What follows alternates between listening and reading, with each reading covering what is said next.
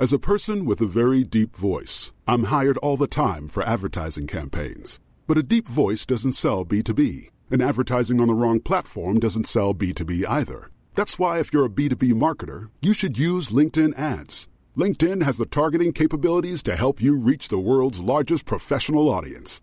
That's right, over 70 million decision makers all in one place. All the big wigs, then medium wigs, also small wigs who are on the path to becoming big wigs. Okay, that's enough about wigs. LinkedIn ads allows you to focus on getting your B2B message to the right people. So, does that mean you should use ads on LinkedIn instead of hiring me, the man with the deepest voice in the world? Yes. Yes, it does. Get started today and see why LinkedIn is the place to be to be. We'll even give you a $100 credit on your next campaign. Go to linkedin.com slash results to claim your credit. That's linkedin.com slash results. Terms and conditions apply.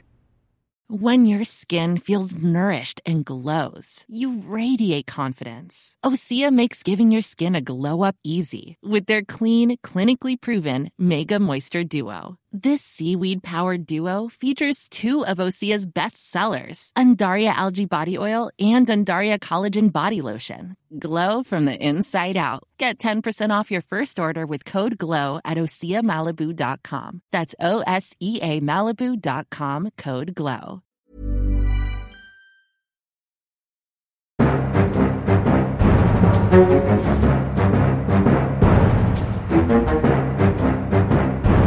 Tror jeg bare, da, da bare setter vi i gang med en ny episode av eh, Aftenpodden USA.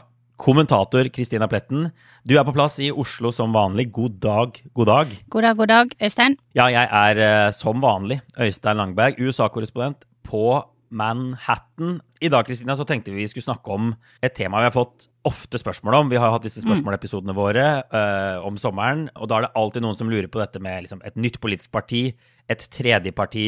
Hvorfor har USA bare to partier? Hva skal til for å lykkes? Og vi har svart sånn kjapt på det tidligere, men det er egentlig bare et utrolig interessant landskap. Det er et nytt tredje parti på, på gang i USA, så vi tenkte egentlig å gå litt inn i det her. Hvordan ser landskapet ut? Hvorfor er det to dominerende partier? Og kan USA få et tredje parti? Men aller først, før vi går inn i alt det her, så tenkte jeg vi må bare kanskje snakke om den store betalingsmurelefanten i rommet, hvis vi skal kalle det det. Det er kanskje ikke en elefant i rommet, for vi har jo snakket mye om dette. Vi har en Facebook-gruppe, Aftenpodden USA, hvor det har vært heftig diskusjon eh, den siste uka. For vi sa jo i forrige uke at vi som vårt moderskip, den vanlige Aftenpodden, nå skal lage en del episoder som bare er tilgjengelige for abonnenter. Enten abonnenter på Aftenposten eller på denne Schibsted-plattformen Podme. Så fra og med neste uke så vil annenhver episode kun være tilgjengelig for abonnenter, og så vil annenhver episode være som i dag, tilgjengelig overalt på alle plattformer, Spotify, eh, Apple og sånn. Og så er det selvfølgelig noen negative reaksjoner på det her, som vi egentlig forventet. Ja. Jeg har brukt mye tid denne helgen på å lese og svare på spørsmål i Facebook-gruppen vår. Eh, og Ja. det har vært mye interessante diskusjoner og også, syns jeg, veldig sånn relevante innvendinger fra eh, lytterne våre. Eh, Ja. Som vi har prøvd å svare på så godt vi kan. Det har også vært, eh, kommet inn svar fra Karoline, som leder podkastgruppen i Aftenposten, og også fra Podme, da. Så for de av dere som ikke har vært inne på Facebook-gruppen og lest, så er jo dette en mulighet til å gå inn og så oppdatere seg litt gjennom den debatten som jeg syns har vært eh, interessant. Eh, det er en del folk som eh, klager på forskjellige ting, både når det gjelder eh, det tekniske, eh, hvordan man overfører lyden til høretelefoner og bil osv. Og så er det noen som klager på det mer prinsipielle, da. Som er sånn at de mener at podkaster bør være tilgjengelig overalt. På um, alle plattformer. Eh, mitt svar på det har vært at ja, i en ideell verden så kunne man ønske seg det, men det er dyrt å lage journalistikk, som vi gjør i Aftenposten. Og Mm. en av grunnene faktisk til at vi har kunnet gi vekk vår journalistikk gratis både på nett og på pod, det er at de eldste abonnentene, altså foreldrene våre og besteforeldrene våre, har betalt for det gjennom abonnement i papiravisen, som har håvet inn penger i mange år. Og det har gjort at eh, journalistikken liksom har gått i pluss, pluss tross alt.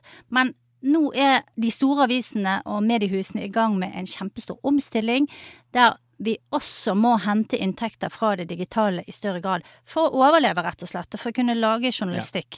Og det er liksom bakgrunnen for dette her, da. Det er det. Så helt enig. Altså, ingenting hadde vært Vi skulle gjerne hatt uh, masse Alt åpent og laget uh, alt gratis og tjent, hatt nok reklameinntekter til å få det til å gå rundt. Men sånn er ikke det pod i, i Norge anno 2022. At uh, man kan ha en pod på, på, den størrelsen vi har, og, og få nok reklameinntekter til å få det til å, å, gå rundt. Så vi håper jo bare så mange som mulig er med videre. Vi tror dette blir en kjempe, kjempespennende høst. Mm. Og vi skal fortsette å prøve å lage så gode podder som mulig. Lytte til lytterne. Og så håper jo de som klager på funksjonaliteten i podden og sånn, dette er ting det jobbes med. Den har blitt vesentlig bedre også siden den ble lansert. Uh, men, men, de tar imot tilbakemeldinger. Uh, og de har vært inne som sagt, og kikket på alle kommentarene og sånt som er, er kommet. Altså Øystein, er det jo noen som har klaget på at etter at eh, disse her podene er blitt lagt bak mur, så snakker man bare om at podden er bak mur i podden. Ja. så derfor så foreslår jeg at vi nå beveger oss videre til raskt nå beveger vi oss og effektivt videre til, yes, yes, om. Nok, Nok er nok. La oss uh, gå over til vår lille siden sist-spalte. Det har vært en litt roligere uke etter noen mm. bare elleville, elleville uker. Uh, men vi får bare si at disse Trump-etterforskningene går sin gang. Det har skjedd mest den siste uka, den etterforskningen som foregår i New York av dette forretningsimperiet til Trump.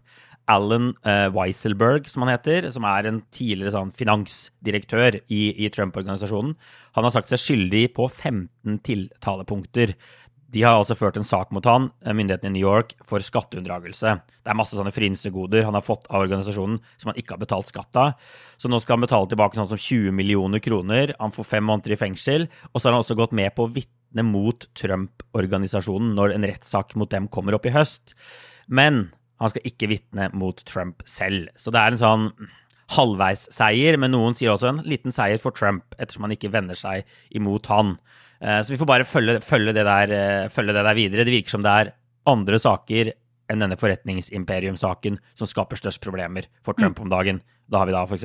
FBI-saken, som Johan har snakket om før. Ja. Og så er det en annen ting som jeg liksom føler som et, et sidespor egentlig til nyhetsbildet, og det handler om det amerikanske arbeidsmarkedet. Der skjer det fortsatt veldig mye rart etter koronapandemien. Mm. Det har vært vanskelig for folk til å komme tilbake i jobb, og nye tall viser også at produktiviteten til amerikanske arbeidere faller som en stein. Så de, altså, de produserer mindre selv om de lønningene øker og, og det er mer tilgjengelige jobber.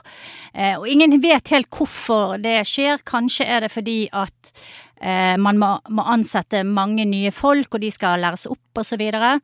Kanskje det er fordi folk snusker unna når de sitter på hjemmekontor. Eh, mange teorier om dette her. Men i hvert fall så mm. den siste uken så har Tim Cook, eh, sjefen i Apple, han har kommandert sine mange, mange tusen arbeidere i Apple tilbake på kontoret. Forlanger at de fra september skal være minst tre dager inne på kontoret. Og det har ført til opprør blant de ansatte, og det er nå et sånn internt opprop på gang med, i protest mot dette her, da. Så det skjer veldig mye interessant i arbeidslivet i USA, og kanskje vi kan komme tilbake igjen i større detalj til dette her i en seinere pod. Eh. Ja, helt enig. Masse interessant. Jeg har fått sånn smaken på sånn skandinavisk fleksibilitet ja. i arbeidsmarkedet, og det er vanskelig å rulle tilbake til den gamle, rigide amerikanske systemene og hierarkiene. Ja, eh, det, man, man, snakker jo om, man ja. snakker jo om det å, å, å, leve for å jobbe, eller jobbe for å leve, da. Ikke ja. sant? Og der, eh, der, er masse sånn på TikTok og, og sosiale medier fra unge amerikanere om dette skiftet i måten måten å se på fritid og arbeid og ja. det å tjene til livets opphold på. Apropos bare, vi kan ta med et bitte lite punkt til slutt, altså på arbeidsliv. Eh, eh USAs smittevernsjef Anthony Fauci han eh, går nå av etter en mm. ekstremt lang karriere. Og Fauci har jo hatt litt av en sånn ja, runde de siste årene. Han startet jo helt i starten av koronapandemien, så var han litt sånn som Nakstad hjemme i Norge. En fyr som var på en måte respektert på begge sider. Mm. Og så har han ikke endt opp som Nakstad, da, for Nakstad har jo på en måte beholdt dette litt. Det var jo sikkert folk som ble lei av Nakstad til slutt òg, men, men uh, Fauci endte jo opp som et virkelig hatobjekt på høyresiden i USA. Han ja. er på en måte en av de nye Hillary Clinton, en av de de alltid tyr til i talene sine når de vil ha jubel, eh, jubel fra salen. Så når han eh, gir seg eh, i desember, så kommer det helt sikkert til å være stor, stor feiring på, på høyresiden i USA. Men han slipper i hvert fall å få sparken av Donald Trump når Trump kanskje kommer tilbake da, i 2024. Ja, samtidig så kan det jo hende at uh, det ikke blir så stor jubel, for da har de én person mindre å liksom uh, sende ja. hatet sitt mot, da. Ja, ja. Så det går an å se det på Men, den måten òg. Ja, det er sant, det, altså, men de har greid å holde liv, liv i Hillary-hatet. Så vi ja, klarer sant. nok det, altså, selv om han er pensjonist. Ok, ja. du, la oss gå til, over til eh, dagens tema, da. Som mm. egentlig er liksom USAs topartisystem og muligheten for å sprenge seg frem med et tredje parti eller en tredje kandidat. Og jeg syns vi bare skal starte med å beskrive dagens partilandskap litt. For det er sikkert ikke alle som kjenner det. Vi snakker jo veldig veldig, veldig mye på denne poden om de to store partiene, Demokratene og Republikanerne, som egentlig har dominert amerikansk politikk siden altså borgerkrigen på 1800-tallet, mer eller mindre. Og så har det vært endringer i hvilke velgere som stemmer på disse partiene og sånn, men de har vært bare totalt, eh, totalt dominerende. Og det er nesten ingen demokratier, i hvert fall ikke på denne størrelsen med USA, som har to så store og dominerende partier, og hvor ingen tredjepartier har en sånn tilstedeværelse i nasjonalforsamlingen eller i nasjonalpolitikk, sånn som vi er i USA. Eh, hvor man alltid har én eller to representanter, f.eks. Eh, sånn som er vanlig i andre land, også i sånne topartisystemer. Mm. For bare, altså, vi kan ta noen sånne fakta. Altså, av, det er altså, 435 medlemmer som sitter i Representantenes hus. Ingen er fra et annet parti enn republikanerne eller demokratene i dagens kongress. Mm. Eh, altså. Og jeg så også det tall på altså, 99,5% av alle som sitter i delstatsforsamlingene rundt i USA, representerer enten demokratene eller republikanerne. Og så er selvfølgelig de partiene store, brede koalisjoner. Jeg tror det var Alexandria Ocasio-Cortez fra New York som jo sa at uh, i hvilket som helst annet land så ville ikke Joe Biden og jeg vært i samme parti. Men det er de altså mm. i USA. Ja. Altså, de to store partiene rommer jo på en måte flere småpartier. I hvert fall to eller tre hver. Ja. Eh, og du nevner Ocasio Cortez. Eh, hun er jo også medlem av et annet parti som heter Working Families Party. Eh, som ja. også har eh, ganske mange medlemmer og stor eh, tilstedeværelse, i hvert fall på kystene i, i, i USA, da, i urbane områder. Eh, og det er jo også en sånn annen rar greie at det fins representanter som sitter i Kongressen i dag, både i Representantenes hus og i Senatet, som, som på en måte er både er medlemmer av et slags tredjeparti, men stiller som kandidater for eh, demokratene mm. eller republikanerne. Ja. ja.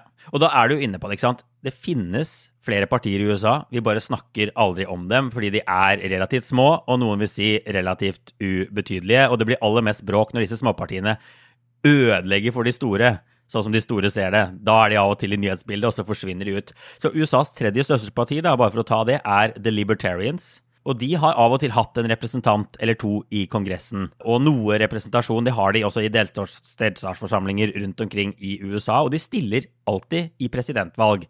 I 2020 stilte de med en som het Joe Jorgensen. I 2016 så stilte de med en som het Gary Johnson, mm. og han fikk altså 3,3% av stemmene i USA. 4,5 millioner stemmer, ikke sant? Så det er jo ikke sånn, selv om de er små, så er det millioner av amerikanere som går ut og stemmer på disse. Og Libertarians, det ligger jo litt i navnet. Dette er liksom bygge ned velferdsstaten, kutte budsjettunderskuddet, avskaffe skatteetaten. Eh, ganske frie våpenlover. Men så er de liberale verdi, i verdispørsmål. ikke sant? Ekteskap mellom homofile er de for, de vil avskaffe dødsstraff, de vil avkriminalisere narkotika og den type ting. Så dette er jo ting som appellerer til en del amerikanere. Ja, altså de er jo på en måte mot nesten enhver regulering av både privatliv og næringsliv, da. Det er liksom eh, frislipp for alle penger. Og så samtidig så er de litt sånn De er også imot amerikansk innblanding internasjonalt. De, de liker ikke at, at, USA skal drive med militær eh, aktivitet i andre land, osv. Um, det som er litt interessant med det, er at de, når de kommer til makt, som for eksempel Ron Paul og Rand Paul, sønnen, har gjort, og de er vel de, de som ligger nærmest opp til libertarians i, i, USA, så stiller de seg likevel som regel bak enkelte innskrenkninger som passer til budskapet til høyresiden, for eksempel når det gjelder abort, og mm. til dels homoekteskap, har jo for eksempel Ron Paul vært mot selv om, eh, selv om, de mener at staten ikke skal blande seg inn i privatlivet til folk. Så de er ikke alltid helt konsekvent. Nei, det er ikke alltid helt konsekvent. Og det er en god del republikanere som liksom identifiserer seg som libertarians, også som ikke nødvendigvis representerer partiet. Og innad i det Libertarians så er det jo også voldsomme diskusjoner om f.eks. abort og sånn, ja. Så ja. det er jo det er, det er, en grunn til at de sliter, da. Og det er jo litt sånn, det er litt sånn fringe. Jeg tror den uh, valgresultatet i, i 2016, 3,3% er det beste de har hatt noen gang. Og det har alltid vært en sånn drøm om at nå skal de endelig slå gjennom, men de klar, har jo ikke klart det. Men vi får, vi får bare, vi bare vi får også snakke om altså det fjerde største partiet, De Grønne, som har noen likhetstrekk med libertarians, får vi si. De er sånn antikrig, eh, litt sånn isolasjonistiske. Eh, men de har veldig mye til felles med den, det man ofte kaller den ytre venstresiden i USA. Da. De er et miljøparti, selvfølgelig. Det er derfor det heter, heter de, de Grønne. Men de vil også ha et offentlig helsesystem, og er det noen vil si woke da, i en del spørsmål. Veldig opptatt av liksom, rase og ja, og sivile rettigheter eh, og, og, den type ting. Men det som er interessant med De grønne, da, og som også egentlig gjelder libertarianerne av og til, er at de har fått huden full av de to store partiene. Og det gjelder egentlig særlig, da, vi kan egentlig snakke litt om, om, valget i år 2000. For da ble demokratene rasende sinte på De grønne. I år 2000 så var det jo sånn at Al Gore stilte som presidentkandidat for eh, demokratene. Eh, George W. Bush stilte for republikanerne. Og så var det en mann som het Ralph Nader som stilte for De grønne, og som egentlig gjorde et ganske godt valg til De grønne å være. Han fikk nærmere 3% av stemmene nasjonalt. Og så var det sånn at det valget i år 2000 det ble uhyre jevnt. Det handlet om noen hundre stemmer i én stat som kunne vippe det i den ene eller andre retningen, og det var altså i Florida. Så til slutt så var det sånn at, eh, at domstolene avgjorde det saken. George Bush vant eh, valget, han vant Florida, og dermed også valget, og ble president. Men så var det sånn at i Florida så vant jo Ralph Nader og De Grønne nærmere 100 000 stemmer. ikke sant? Og så taper da Al Gore med noen hundre. Så det de sier er at hvis noen få av de 100 000 hadde stemt på Demokratene, så hadde Demokratene sikret seg seieren i det valget. Eh, og som jo gjør at det har vært liksom ordentlige gnisninger mellom De Grønne og Demokratene. Og dette samme gjentok seg egentlig i 2016, da Trump stakk av med seieren. Da mener jo en del at Hillary Clinton ville vunnet valget og blitt president hvis De Grønne f.eks. ikke hadde stilt opp i det mm. valget og sagt at Trump er en for stor trussel. Vi kan ikke ødelegge dette valget for demokratene. Så, så de er små, disse partiene, men likevel får de kjeft. Det er sånn litt sånn Ja, men eh, det, det, er jo litt det samme som skjer i Europa også, selv om, selv om de fleste europeiske land har et flerpartisystem. Så forsøker ofte de store partiene å presse de små partiene i kne ved å si at nå ødelegger dere eh, for, ja, for flertallet her, ikke sant. Hvis man eksempel ser på hvordan Arbeiderpartiet eller Høyre da, til dels har presset de mindre samarbeidspartiene ved å si at dere må, dere må inngå kompromisser, dere må gi opp eh, kampsakene deres, for her er det viktigere at regjeringen overlever. Dere må ikke være liksom den som ødelegger det store bildet. Mm. Og det er klart at det er et paradoks og et vanskelig problem for et parti som har en, eh, en, eh, posisjon som kanskje er helt annerledes enn det de store partiene er der, og kjemper for den. Mm men som bare representerer en bitte liten del av befolkningen. Så hvis du da ja. kommer i en sånn posisjon at du som representant for 2% av befolkningen kan felle eh, en kandidat som eh, Nader gjorde med går, så er det kanskje ikke fair å gi han skylden, men, men, det er likevel en sånn vanskelig problemstilling. I USA har dette vært brukt ekstremt aggressivt mot, eh, mot eh, politiske oppkomlinger, da fra, fra demokrater og republikanerne. Nærmest sånn du setter landet i fare, du er en, du er en nasjonal uh, trussel, ikke sant, fordi at du utfordrer vårt hegemoni. Absolutt. Og Nader, eh, altså han som var representant for De grønne, eller presidentkandidat i 2000, han, han, blir jo veldig sint og sier det var mange tilfeldigheter som gjorde at Gore tapte det valget med noen hundre mm. stemmer i Florida. Det går ikke an å skylde på meg det var mange ting han kunne gjort annerledes også for, for å dra det med seg. Og så snakker de om at de to store partiene har et duopol som de vil forsvare for enhver pris. Også, men, men, det, men, det, stemmer jo at en god del, når man ser på velgerne til De Grønne, ville stemt på Demokratene hvis De Grønne ikke hadde fantes, f.eks. Og så er det noen som ikke ville stemt i det hele tatt. Men ja, eh, det er ganske liten tvil om at eh, hvis Nader ikke hadde stilt opp i Florida i år 2000, så ville Al Gore vært president, og ikke George W. Bush. Det tror jeg ikke mm. det er noen tvil om. I 2016 mm. er det mer debatt. Men det var, to, det var de to store uh, småpartiene. Og så har du nevnt, du har nevnt altså Working Families Party, som er et slags sånn arbeiderparti på venstresiden i USA, hvor AOC, altså Alexandra Ocasio-Cortez, i hvert fall er medlem, og et par av disse andre i denne venstresiden The Squad, i tillegg til å være demokrater. Og så er det også en sånn organisasjon som heter Democratic Socialists of America, som ikke er et parti på samme måten, men de stiller av og til med noen kandidater, og av og til så støtter de demokratenes kandidat. Det er et sånt sabla virvar, da, men det ja, finnes det en sånn underskog der ute. Ja. Og så har du faktisk en rar, eh, en rar eh, konstellasjon i Minnesota. Eh, der har du noe som heter The Minnesota Farmer Labor Party, eller hva det het en gang i tiden. Og det er et av de partiene som har vært mest hatt størst suksess da, med å være et tredjeparti. Eh, de mm. vokste frem under depresjonen i USA, og hadde i perioden eh, i perioden på 30- og 40-tallet representanter både i Senatet og Kongressen, og var dominerende i delstaten Minnesota. Og det var blant annet en senator ved navn Henrik Skipsted. Eh, som, ja, fra 1923 til 1947. Ja, som satt i Senatet fra 1923 til 1947. Eh, eh, familien utvandret fra Kviteseid i Telemark, står det på nettet. Men eh, det var altså et parti som etter hvert med tiden ble slukt opp av Det demokratiske partiet. Eh, mm. Men fortsatt i dag så er Det demokratiske partiet i Minnesota eh, har et annet navn. Det heter noe sånt som Democratic Farmers Party. Og for eksempel eh, senator Amy Klobuchar, kanskje en eh, presidentkandidat i 2024 også hun er et medlem av både det partiet og Demokratene, som, som egentlig er det samme som Demokratene, men ikke. Så ja, ja. dette er også utrolig, utrolig forvirrende. Ja, og, og i tillegg til disse partiene som finnes der ute, så er det også en del kandidater som stiller som uavhengige, eh, og som kaller seg uavhengige, selv om de i praksis er ofte ganske tett klistra til et parti. Bernie Sanders fra Vermont, senator, er jo en sånn fyr som stiller som presidentkandidat for Demokratene, men når han sitter i Senatet, så kaller han seg uavhengig. Og så stiller bare demokratiske partiet ikke mot han, da, når han stiller i Vermont. Men vi har også sett, hvis vi bare hever blikket opp på presidentnivå, at folk har stilt som tredjekandidater i presidentvalg, som uavhengige kandidater. Det er ikke sånn helt uvanlig, det er noen år siden det har skjedd nå, men folk har gjort det med ganske stor suksess. Og nå må vi tilbake til en tid hvor ikke jeg husker, hvor jeg bare må lese, men du husker kanskje det her. Hvis vi går tilbake til 1992, så er det Bill Clinton eh, fra Demokratene mot George W. Bush eh, Nei, George H.W. Bush, altså Bush senior, i, i presidentvalget. Og da kommer det en fyr inn fra siden som heter Ross Perot eh, businessmann fra Texas og sier jeg stiller som tredjekandidat. Jeg vil kutte budsjettunderskuddet. Han vil ha en sånn proteksjonisme, direkte demokrati. Interessant plattform. Og får altså 19 millioner stemmer, 20% av stemmene i det presidentvalget, og egentlig ganske stor suksess. Så det viser jo at det er rom for et eller annet eh, tredjekandidatkandidatur eh, av og til i USA. Det var, altså, det var ikke sånn at han var en total, total flopp. Husker du det valget? Ja, ja, ja, ja. Jeg eh, bodde jo i USA. Det var vel det første valget um, etter at jeg flyttet til USA, så jeg husker det veldig godt. Jeg husker Men Var det veldig spesielt med tre, på en måte, tre kandidater? Ja. Uh, Ross Perot var en uh, karismatisk fyr.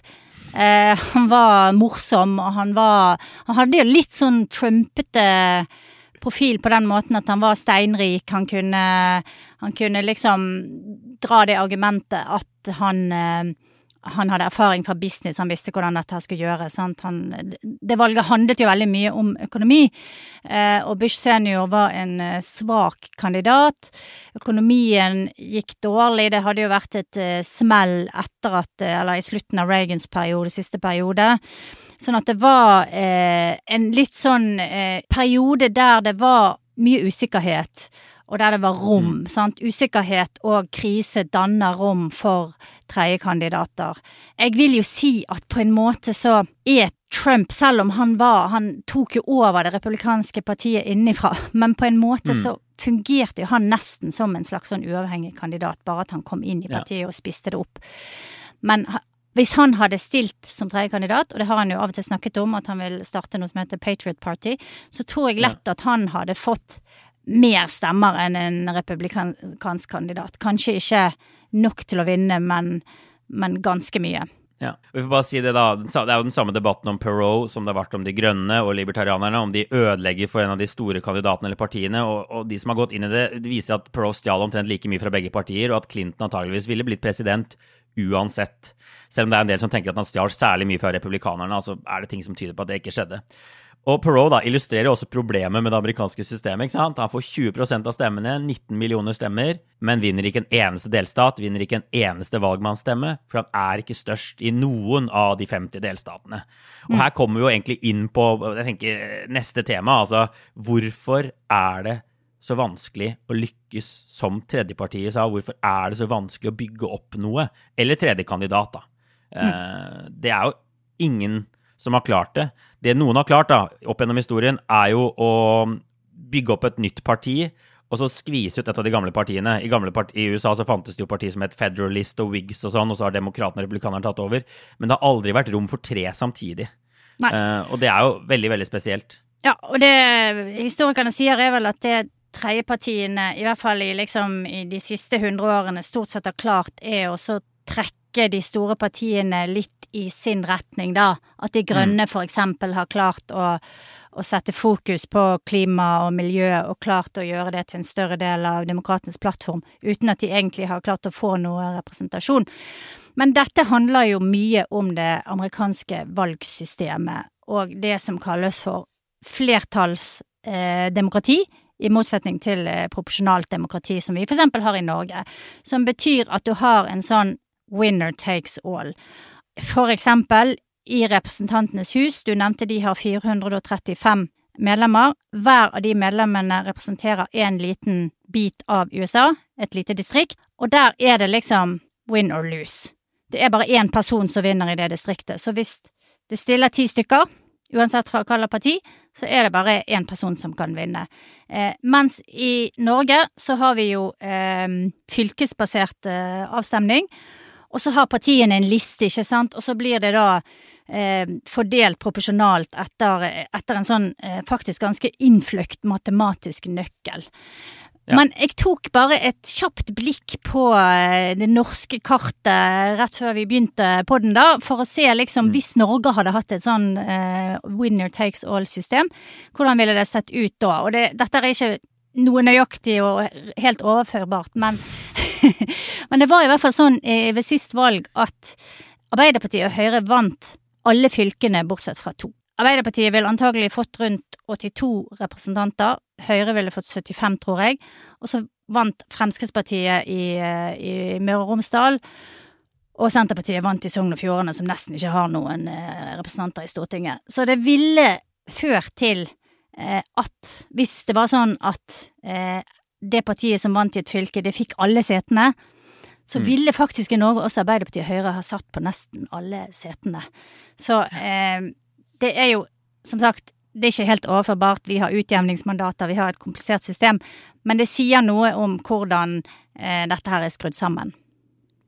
Absolutt. Og så Mange europeiske land har sånne proporsjonale systemer. Får du 10 mm. av stemmene, så kan du grovt regnet få 10% av setene i nasjonalforsamlingen. Nederland, jeg var jo europakorrespondent en gang, de har sånn ekstremvariant. Ingen sperregrense eller noen ting. Så der har de, jeg tror de har sånn nærmere 20 partier, da jeg dekka det i hvert fall, i parlamentet. Et parti for dyr, blant annet. Et parti for folk over 50, som får et par representanter inn og sånn. Det motsatte da av USA, ikke sant, hvor, hvor uh, man ikke får noen uttelling for å være parti nummer to eller tre. Man må vinne sin krets. Uh, og hvis du stemmer på et småparti som får et par prosent av stemmene, så kaster du bort stemmen din. Det er et ekstremt ja, insentiv til å stemme på en av de to store, store partiene i, i USA. Så, så, så, dette winner takes all-systemet, men dette winner takes all-systemet har har de jo også i Storbritannia og Frankrike. Men likevel så har de jo der flere partier. I Storbritannia har du Liberaldemokratene. De blir aldri størst, men de kan mm. likevel, de har alltid en god del representanter inne. De blir veldig straffa, men de har en del representanter inne. Det ble en koalisjonsregjering en gang i tiden av dem. Frankrike har jo, justerer jo sitt sånn winner takes all-system og har to valgomganger hvor man kan stemme med liksom hjertet i første valgomgang på det partiet man vil ha. Ikke helt, da. Man bør være litt taktisk der også. Og så må man liksom ta stilling til de to som kommer videre til finaleomgangen. Det var jo da eh, Emmanuel Macron mot Marine Le Pen i forrige valg. Men altså, Macron har jo klart i Frankrike. Starta et helt nytt parti, knuste det gamle systemet øh, og kom og, fram mm. og slo, og slo, seg opp. Eh, ingen tegn til at liksom, noen vil klare noe lignende i USA. Det er i hvert fall ekstremt, ekstremt vanskelig. Så da kan man jo lure på hvorfor USA også er annerledes enn enkeltmannskretsstedene i Europa, da, som egentlig burde ha lignende dynamikk. Og da peker noen på at det er bare utrolig vanskelig for tredjepartier å slå seg opp, starte. Det er veldig dyrt i amerikansk ja. politikk å drive politikk. Det er masse signaturer du må gå rundt og samle inn for å komme på valgseddelen. Og de peker også på at de to store partiene har dette duopolet. De er ikke interessert i at tredjepartier skal komme. De vil jo si at de som vi sier, ødelegger for seg selv. Så det er mm. enda mye flere hindre da, for tredjepartier ja, i USA enn og, i Europa. Og for eksempel i delstatene, der er det jo delstatsforsamlingene som styrer hvordan valgene blir kjørt. Og der mm. sitter jo de to partiene og selvfølgelig eh, holder på makten og har null interesse av å invitere flere aktører inn. Og så er det jo gjort en god del forskning på dette her med flertallsdemokrati de siste årene, og spesielt i forbindelse med polarisering, eh, der man ser ganske tydelig at spesielt i USA så fører det til at eh, folk blir både mer misfornøyd med sitt eget parti, og de får et dårligere syn på eh, det andre partiet. Så hvis du er demokrat, så er du både mer misfornøyd med demokratene, og du har også et veldig eh, lite positivt syn på republikanerne. Og dette her bare ja. forsterker seg og forsterker seg, og eh, jeg leste blant annet en forskningsrapport der konklusjonen var at fordi at systemet er som det er, eh, fordi velgerne er, ikke er representert på samme måte som de er i f.eks. det europeiske systemet, så er det viktigere for partiene å male motstanderen i et veldig dårlig lys, eller sette den i et dårlig lys, heter det vel. Eh, sånn at det å liksom kaste dritt på det andre, da, det blir viktigere i dette amerikanske systemet, og det igjen fører til at folk eh, blir mindre og mindre fornøyd med politikerne som representerer de, og hele det valget de har. Og så er det jo eh, målinger som viser at det er et stort flertall av amerikanere som faktisk ønsker seg et tredje alternativ. Jeg så blant annet en måling som sa at mm. 62% var positiv til å kunne ha et tredje alternativ å stemme på. Så det er klart at her er det sterke krefter som holder igjen, men jeg tror at det hadde vært positivt for amerikanerne om de klarte å knekke litt opp i dette systemet, for det ser jo ut som det bare kjører de rett i grøften på mange måter. Ready to pop the question? The jewelers at BlueNile.com have got sparkle down to a science with beautiful lab-grown diamonds worthy of your most brilliant moments. Their lab-grown diamonds are independently graded and guaranteed identical to natural diamonds, and they're ready to ship to your door. Go to Bluenile.com and use promo code LISTEN to get $50 off your purchase of $500 or more. That's code LISTEN at Bluenile.com for $50 off. Bluenile.com code LISTEN. Hey, I'm Ryan Reynolds. Recently, I asked Mint Mobile's legal team if big wireless companies are allowed to raise prices due to inflation. They said yes. And then when I asked if raising prices technically violates those onerous two year contracts, they said, What the f are you talking about, you insane Hollywood ass? So to recap, we're cutting the price of Mint Unlimited from $30 a month to just $15 a month. Give it a try at mintmobile.com slash switch. $45 up front for three months plus taxes and fees. Promoting for new customers for limited time. Unlimited more than 40 gigabytes per month. Slows. Full terms at mintmobile.com. Nei, jeg, tror du har helt rett. Altså, det du sier om forskning, altså presidentsystemet, det må ikke lage polarisering. USA hadde ikke så stor partipolitisk polarisering f.eks. tilbake på 60- og 70-tallet. Da var de to uh, politiske partiene i USA ekstremt like, og mange slet med å se forskjell på dem. Men det kan gjøre ting ekstremt polarisert, antageligvis mye mer polarisert enn i et proporsjonalt system.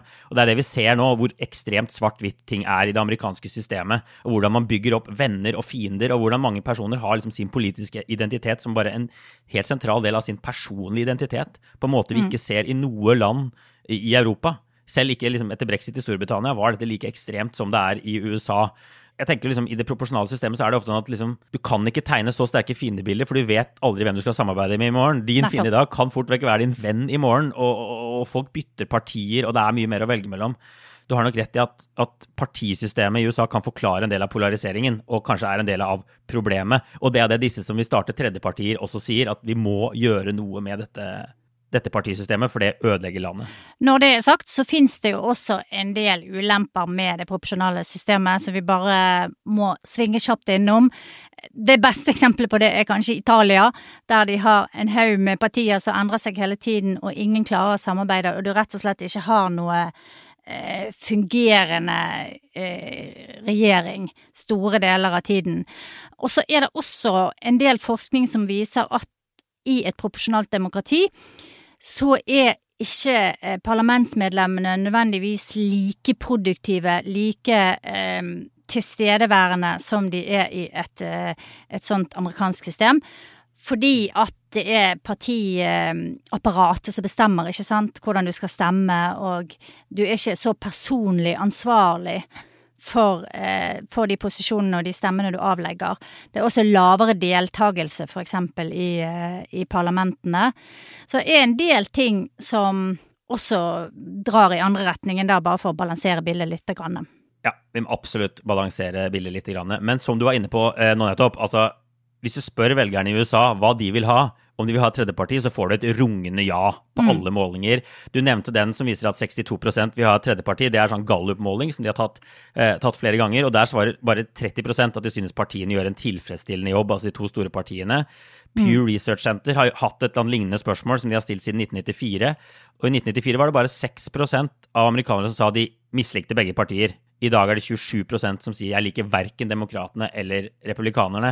Og det er også noe sånt som 43 Det er jo litt forskjellige målinger, men det er 43% på disse Gallup-målingene som kaller seg uavhengige. De sier det er uavhengige velgere. Mens nå er det omtrent like mange republikanere som, som uh, demokrater. Og det er altså da flere enn før som sier, sier at de er uavhengige.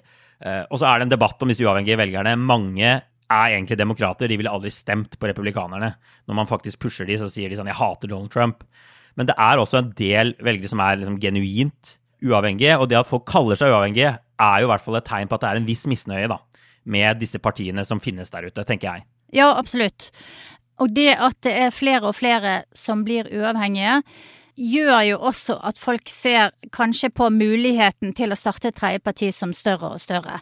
Um, ja så det er liksom et voksende hull, da, i amerikansk politikk. Og så i tillegg til det, så er det jo eh, Ja, er det 35-40% som nesten aldri stemmer.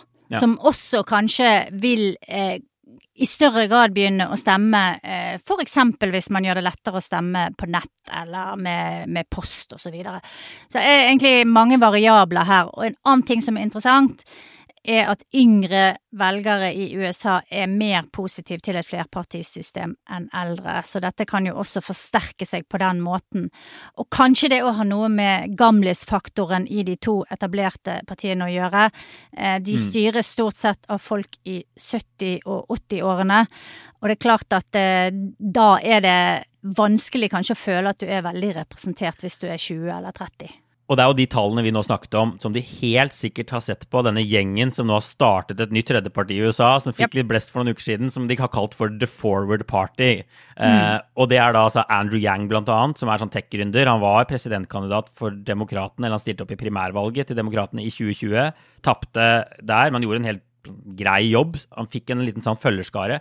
Så stilte han som ordførerkandidat i New York, han, som også som demokrat. Uh, Tapte der også, så det, så det sang. Mm. Men han da har gått sammen med ei som heter Kristin Todd Whitman, som er tidligere republikansk guvernør i New Jersey, og en del andre, og nå lansert dette Forward Party. Og de sier liksom dette er et svar på ekstremismen på begge sider, på splittelsene i USA, og de vil da reflektere den moderate fornuftige majoriteten. De snakker om sunn fornuft. ikke sant? De vil finne en gyllen middelvei mellom ytre venstre og ytre høyre. De vil for eksempel, de nevnte vel abort, blant annet, hvor de snakker om ikke sant? ytre venstre vil ha abort opp til fødsel, høyresiden vil forby og kriminalisere i alle tilfeller. De tenker liksom det finnes en gyllen middelvei her som amerikanere flest støtter opp om. Og dette nevner de også på, på våpenlover og, og, en, og en del type ting, da. Men hva tenker du da? Er det, liksom, er det noen sjanse? Vi har sagt at i hvert fall velgerne kanskje kan være interessert i noe tredjeparti, men er det dette tredjepartiet de vil ha? Eh, på en måte så tenker jeg at det er en god idé. Jeg, jeg tror at uh, Du nevnte abort. Det er jo et veldig godt eksempel på et tema der uh, ifølge meningsmålingene så ønsker folk seg et kompromiss. De ønsker seg ikke et fullstendig frislipp, og de ønsker seg ikke et fullstendig uh, forbud. De vil ha eh, noe som kanskje ligner mer på den norske modellen, da.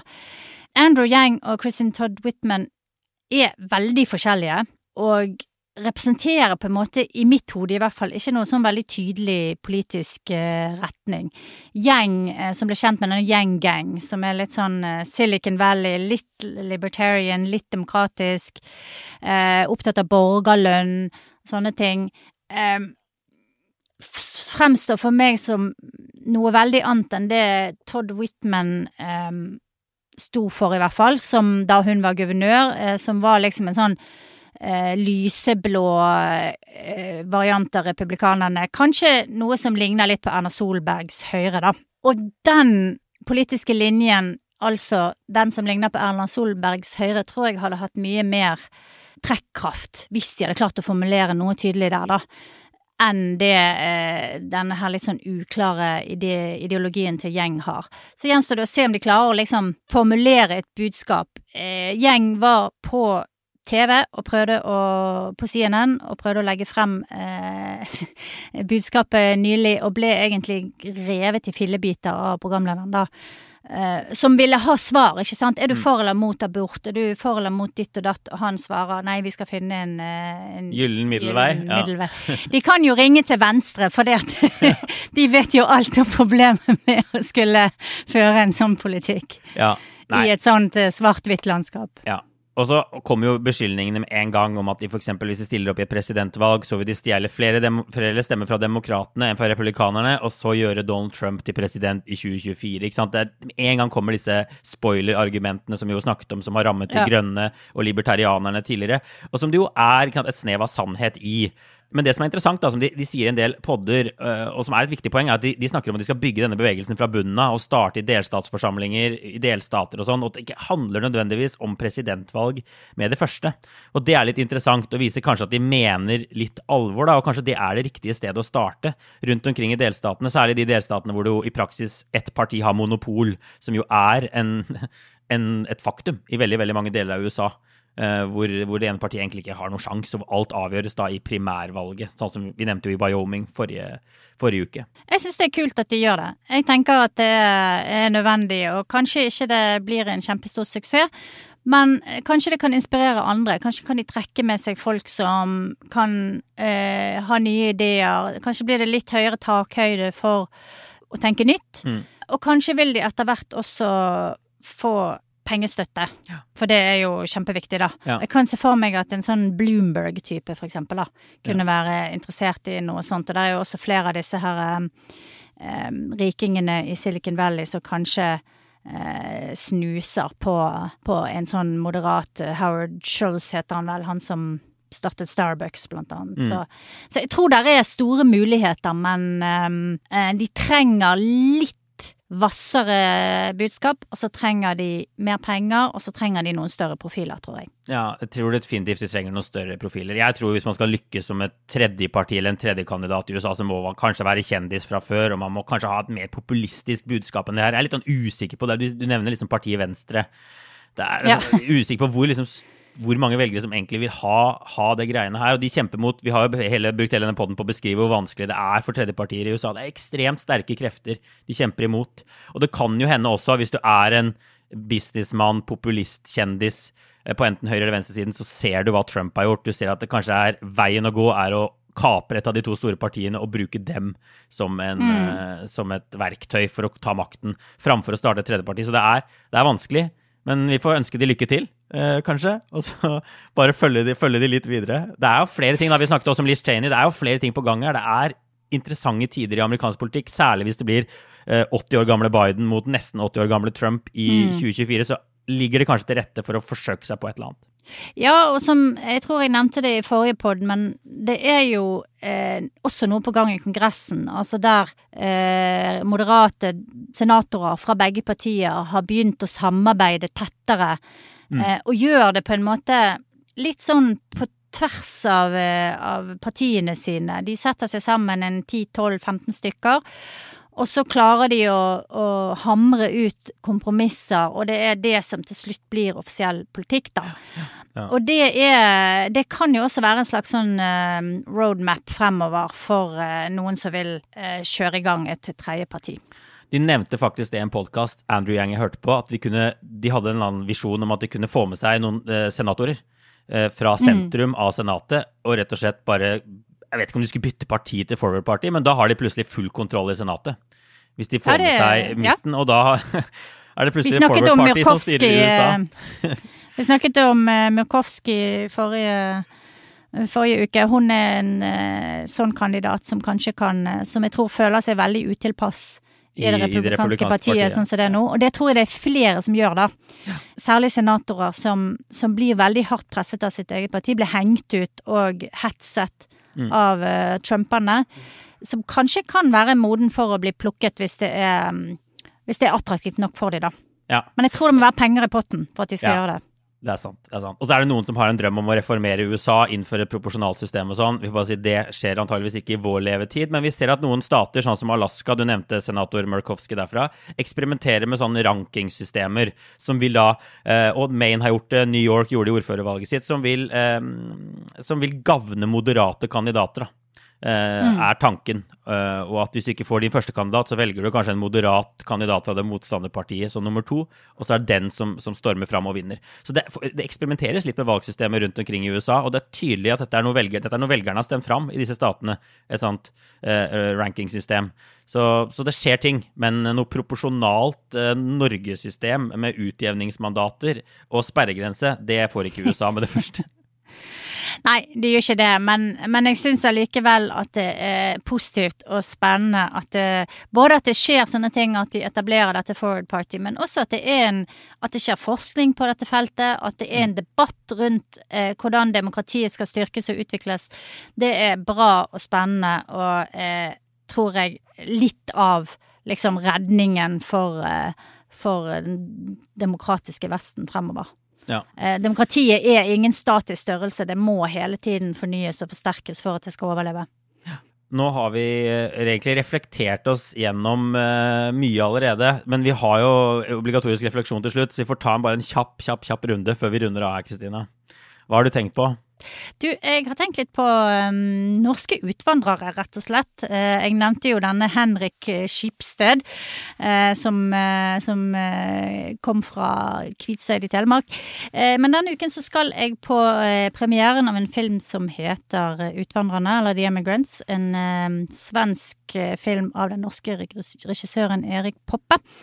Mm. Og jeg har egentlig tenkt ganske mye på dette de siste årene. For når jeg eh, var i USA på 90-tallet, så jobbet jeg jo for en liten sånn norsk avis som het Norway Times, som gikk ut til eh, norske eh, innvandrere og deres etterkommere, og ble liksom kastet inn i en, sånn verden som jeg visste veldig lite om, og som jeg syntes var veldig rar. Det handlet jo mye om sånn der lefs og lutfisk og rare bunader og, og liksom en litt sånn karikert variant av Norge, da, som jeg ikke helt den gang kanskje skjønte verdien av i den grad som jeg kanskje gjør nå, da. Nå tror jeg at en del av det som skjer fordi at eh, eh, utvandringen fra Norge kommer mer på avstand, gjør at vi ser på det med et nytt blikk. Mm. Eh, og jeg håper jo denne filmen skal se eh, en del av det. Eh, men jeg har lyst til å anbefale et museum som heter Vesterheim, som ligger i Iowa, hvis noen skulle befinne seg der. Jeg, jeg, jeg håper ikke jeg har anbefalt det før. Jeg husker jo bare 15 sekunder tilbake i tid, liksom. Jeg tror ikke du har det, før. Nei. hvis jeg har det, eh, så får, så får det være. For dette er superinteressant. Det er i Decora, Iowa. Det heter Vesterheim.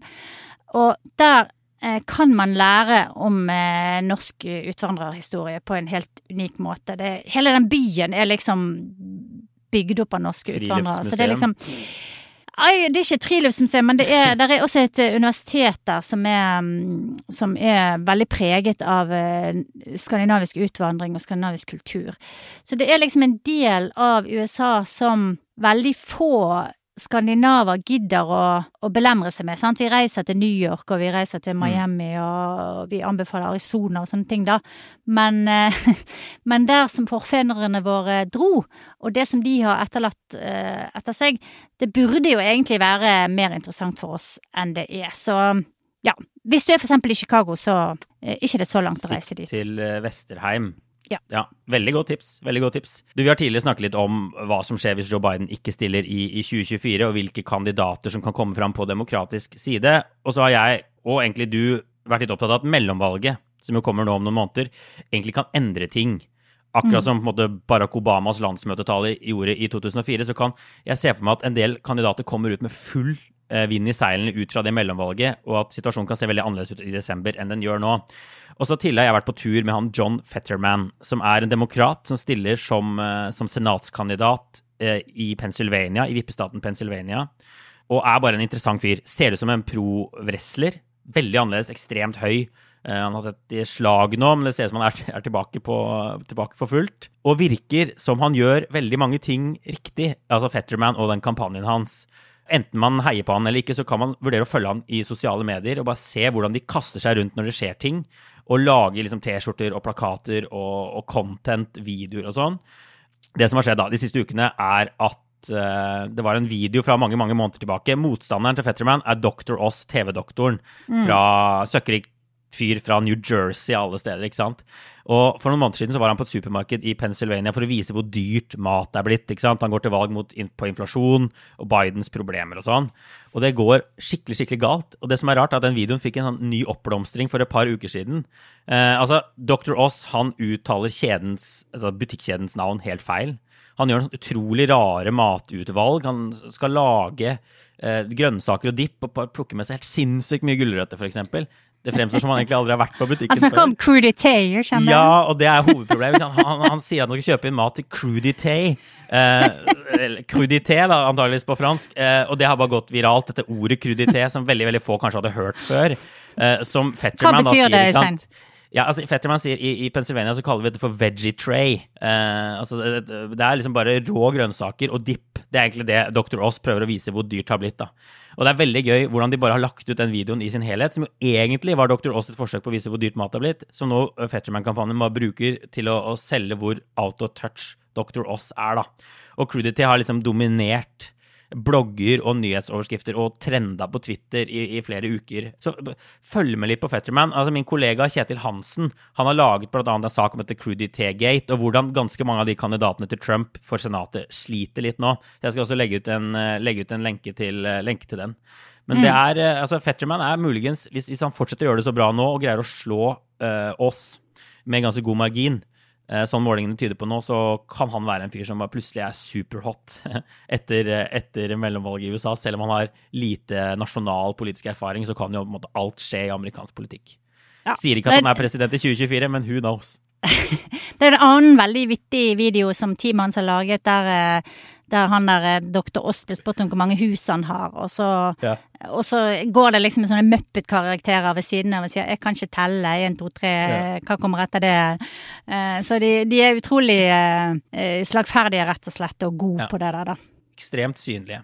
Så vurder mm. å følge, kan følge Dr. Ross også og se hvordan de forsøker å svare og krangle ja. med hverandre på Twitter og sånn. Men det blir en mm. veldig spennende feide i Senatet å følge, den i Pennsylvania, og kan ja, avgjøre hvem som, med, hvem som, sitter med, makten i Senatet etterpå. Så superviktig. Så det er mulig jeg må ta meg en tur tilbake til Pennsylvania før mellomvalget og følge litt med på oss og Fetterman. Jeg tror vi setter strek der, Kristina. Og så er vi tilbake neste uke, vi. Eh, da for abonnenter, og det gleder vi oss til. Og inntil da får alle ha det bra. Ha det, ha det.